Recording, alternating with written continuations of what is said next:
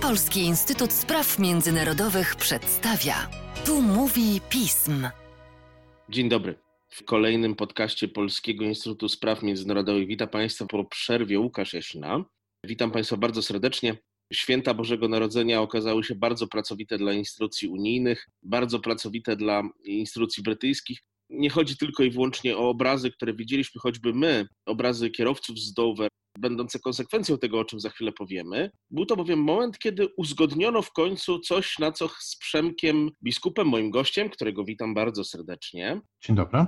Rozmawialiśmy już naprawdę wiele razy. Napisał też na ten temat bardzo dużo tekstów w piśmie, wypowiadał się w innych mediach. Mam na myśli porozumienie unijno-brytyjskie dotyczące Brexitu. I jak to bywa z rzeczami, na które się bardzo mocno czeka, kiedy już przychodzą, właściwie nie potrafimy zareagować na nie do końca emocjonalnie. I bardzo dobrze. Drogi Przemku, nastąpiło porozumienie, nastąpiło 24 grudnia, bardzo symbolicznie. Powiedz nam mniej więcej, na czym polega jego znaczenie. Warto zaznaczyć, że ono zostało, można powiedzieć, podpisane Natomiast to nie znaczy, że jest ostatecznie zawarte, bo tutaj jest potrzebna ratyfikacja i ta ratyfikacja zasadniczo powinna nastąpić do 1 stycznia, czyli jest bardzo mało czasu. Najprawdopodobniej uda się to po stronie brytyjskiej, będzie specjalna sesja parlamentu zwołana, ale po stronie europejskiej będziemy mieli tylko tymczasowe zatwierdzenie tego porozumienia przez Radę Europejską i następnie już w nowym roku, w pierwszych tygodniach, być może nawet do końca lutego, będzie nad tą umową debatował Parlament Europejski. To nie zmienia faktu, że najprawdopodobniej dojdzie do pełnej ratyfikacji, natomiast myślę, że możemy spodziewać się jeszcze sporo takiego teatru politycznego i po stronie brytyjskiej, i po stronie europejskiej, i po stronie europejskiej w Parlamencie Europejskim, ale również niektóre państwa członkowskie już zaczęły wydawać takie pomruki niezadowolenia z powodu zbyt dużych ustępstw na rzecz strony brytyjskiej.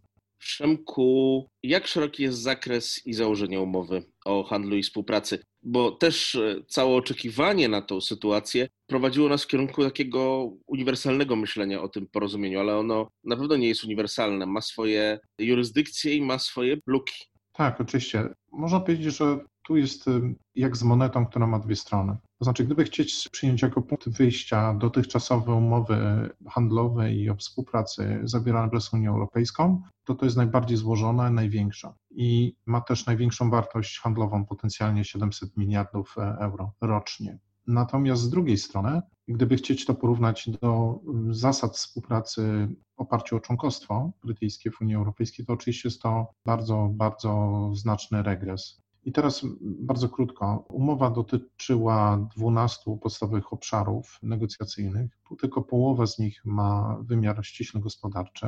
Natomiast z drugiej strony, dzięki tej umowie będziemy mieć zachowaną podstawową współpracę z zakresu przepływu danych, z zakresu wymiaru sprawiedliwości, z zakresu współpracy policyjnej. Także pod tymi względami jest to nie, niezwykle istotna sprawa. Było kilka kwestii, które do końca były przedmiotem bardzo ostrych negocjacji, na przykład kwestia tak zwanej polityki konkurencji, czy tak zwanego równego pola gry, kwestia rybołówstwa i kwestia również reżimu egzekwowania tej umowy w przyszłości. W tych zakresach powiedziałbym ustępstwa obu stron były najpoważniejsze, najważniejsze i w zasadzie w tym zakresie negocjacje toczyły się jeszcze do 24 grudnia do godzin wczesno-popołudniowych. W każdym razie y, ta umowa, tak patrząc całościowo, y, gwarantuje handel między obu stronami na zasadzie bezcłowej i bezkwotowej, czyli nie ma żadnych ograniczeń ilościowych i jednocześnie nie ma ceł. Natomiast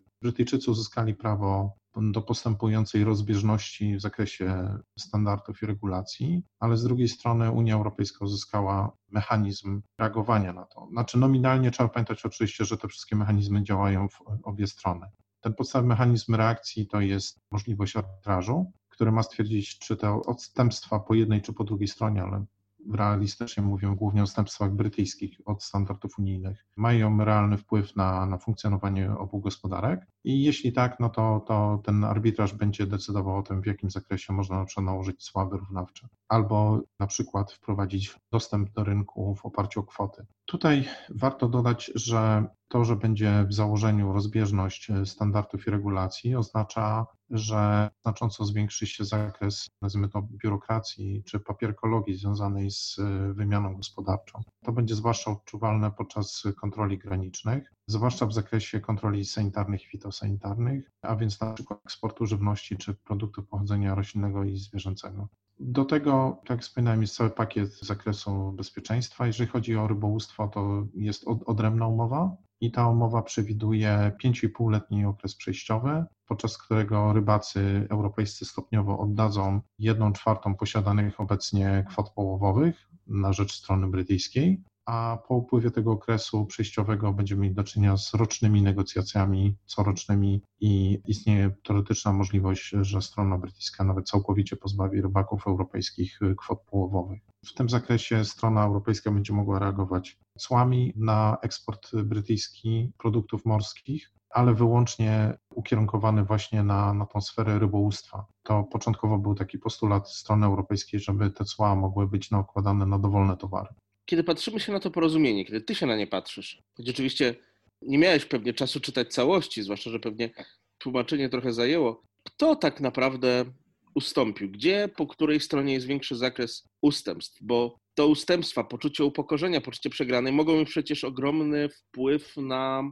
dalszą współpracę Unii Europejskiej i Wielkiej Brytanii. Absolutnie. Tutaj wydaje mi się, że w tej chwili weszliśmy już w fazę również zarządzania wizerunkiem publicznym. Powiedziałbym, że zwłaszcza to było widoczne po stronie brytyjskiej, gdzie premier Johnson ogłaszając sukces negocjacyjny jednocześnie bardzo podkreślał, że to jest, nawiązując do tytułu naszego dzisiejszego podcastu, to jest koniec początku, ale oczywiście w związku z tym będzie pewien ciąg dalszy. Ten ciąg dalszy to są nowe wieloletnie relacje, one powinny być, jak on to nazwał, oparte o zasady przyjaźni. I jeżeli chodzi o sposób, nazwijmy to, sprzedania tej umowy po obu stronach opinii publicznej, to podkreślane są przede wszystkim sukcesy negocjacyjne. Ale jak z każdą tego typu umową, która ma być w miarę trwała, musimy sobie zdać sprawę, że każda strona musi dostać sukcesy, w związku z tym każda strona musi również pójść na dosyć daleko idące ustępstwa. Ważne tylko, żeby one się nie pokrywały ze sobą, prawda? Jeżeli chodzi o stronę brytyjską, to tutaj e, ona w bardzo symbolicznej kwestii rybołówstwa ustąpiła w taki sposób, że zgodziła się na dosyć długi okres przejściowy, 5,5-letni, tak jak wspominałem, i zachowanie w tym okresie zdecydowanej większości kwot połowowych przez rybaków europejskich. Ale z kolei równie fundamentalne ustępstwo po stronie europejskiej to to, że po okresie przejściowym nie będzie już umów wieloletnich, tylko będą umowy coroczne i w ramach tych umów strona brytyjska może, tak jak wspominałem, pozbawić rybaków europejskich nawet całości kwot połowowych. Konsekwencji będzie musiał doprowadzić do naprawdę poważnej reformy y, wspólnej polityki rybołówstwa po stronie europejskiej. Jeżeli chodzi o bardzo też kontrowersyjną kwestię tego równego pola gry, czyli szeroko rozumianej polityki konkurencji, to tu mieliśmy do czynienia z jednej strony z bardzo poważną ustępstwem Unii Europejskiej, która zgodziła się na to, żeby Wielka Brytania nie była w żaden sposób związana orzecznictwem ETS-u, zgodziła się na całkowitą samodzielność brytyjską, przynajmniej taką formalno-prawną w zakresie kreowania własnych standardów, ale y, z kolei na, w odpowiedzi na jej postulaty strona brytyjska zgodziła się na bardzo taki, powiedziałbym, wiarygodny, silny mechanizm prawny egzekwowania mechanizmów wyrównawczych, które y, mogłyby zagrozić nierównowagami w zakresie konkurencji y, na rynku unijnym. I to powoduje, że bardzo prawdopodobny jest taki praktyczny skutek tej umowy, że przez wiele lat Wielka Brytania dokona pewnych korekt w zakresie standardów europejskich, ale mniej więcej pozostanie na równej stopie. Tu myślę, że dosyć długo będziemy czekać na jakieś istotne rozbieżności, na realne skorzystanie przez stronę brytyjską z tych uprawnień, które teoretycznie nabyła.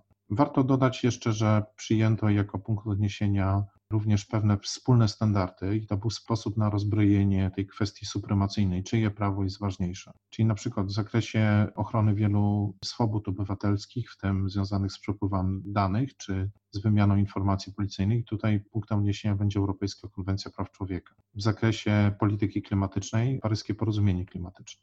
I wydaje mi się, że tego typu dosyć dojrzałe podejście ostatecznie do wypracowanego dealu, ono uprawdopodobnia to, że ten deal rzeczywiście będzie dosyć stabilną platformą docelowej współpracy. Tu jeszcze może warto przypomnieć o jednej rzeczy.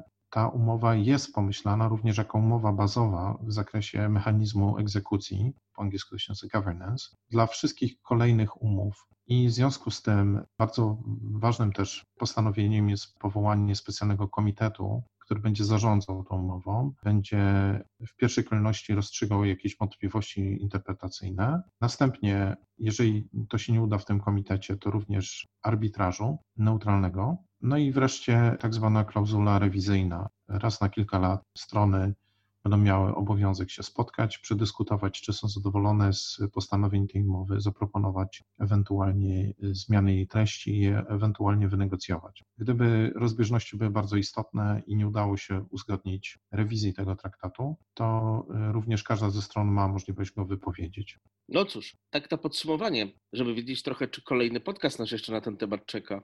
Jak duża jest szansa na to, że po tym takim tymczasowym zaakceptowaniu tego porozumienia w Europie, bo w Wielkiej Brytanii akurat instancyjność jest prostsza, może nastąpić jakieś niedotrzymanie go, chęć powrotu przez Unię Europejską i jej instytucje do negocjacji ponownie. W najbliższym czasie po, powrotu do negocjacji moim zdaniem już nie ma, czyli taka decyzja po stronie któregoś z państw członkowskich, a jest ich kilka, no może nie chciałbym wskazywać palcami osoby śledzące negocjacje, bo no wiedziałem nieco, o które państwa chodzi. Niestety jest możliwa, natomiast per saldo trzeba powiedzieć, że ta umowa rzeczywiście na tyle jest zrównoważona i na tyle dobrze chroni większość interesów obu stron, że w tej chwili ryzyko, realne ryzyko jej nieratyfikowania jest y, moim zdaniem jednak ostatecznie nie do, nie do przyjęcia dla żadnej ze stron, w tym dla żadnego z pojedynczych państw członkowskich. To jest, to jest możliwe, ale skrajnie mało prawdopodobne, więc myślę, że ostatecznie w drugi kwartał nowego roku będziemy już wchodzić z tą umową w pełni ratyfikowaną. Choć tyle optymistycznego na koniec, ale będę Ci Przemku bardzo wdzięczny przy następnym podcaście, myślę, porozmawiamy sobie na temat tego, jak w Wielkiej Brytanii w ciągu tych kilku tygodni zostało to porozumienie odebrane. Na razie dziękuję Ci bardzo za cały 2020 rok z Brexitem. I dziękuję również za niezwykle interesujące nasze rozmowy.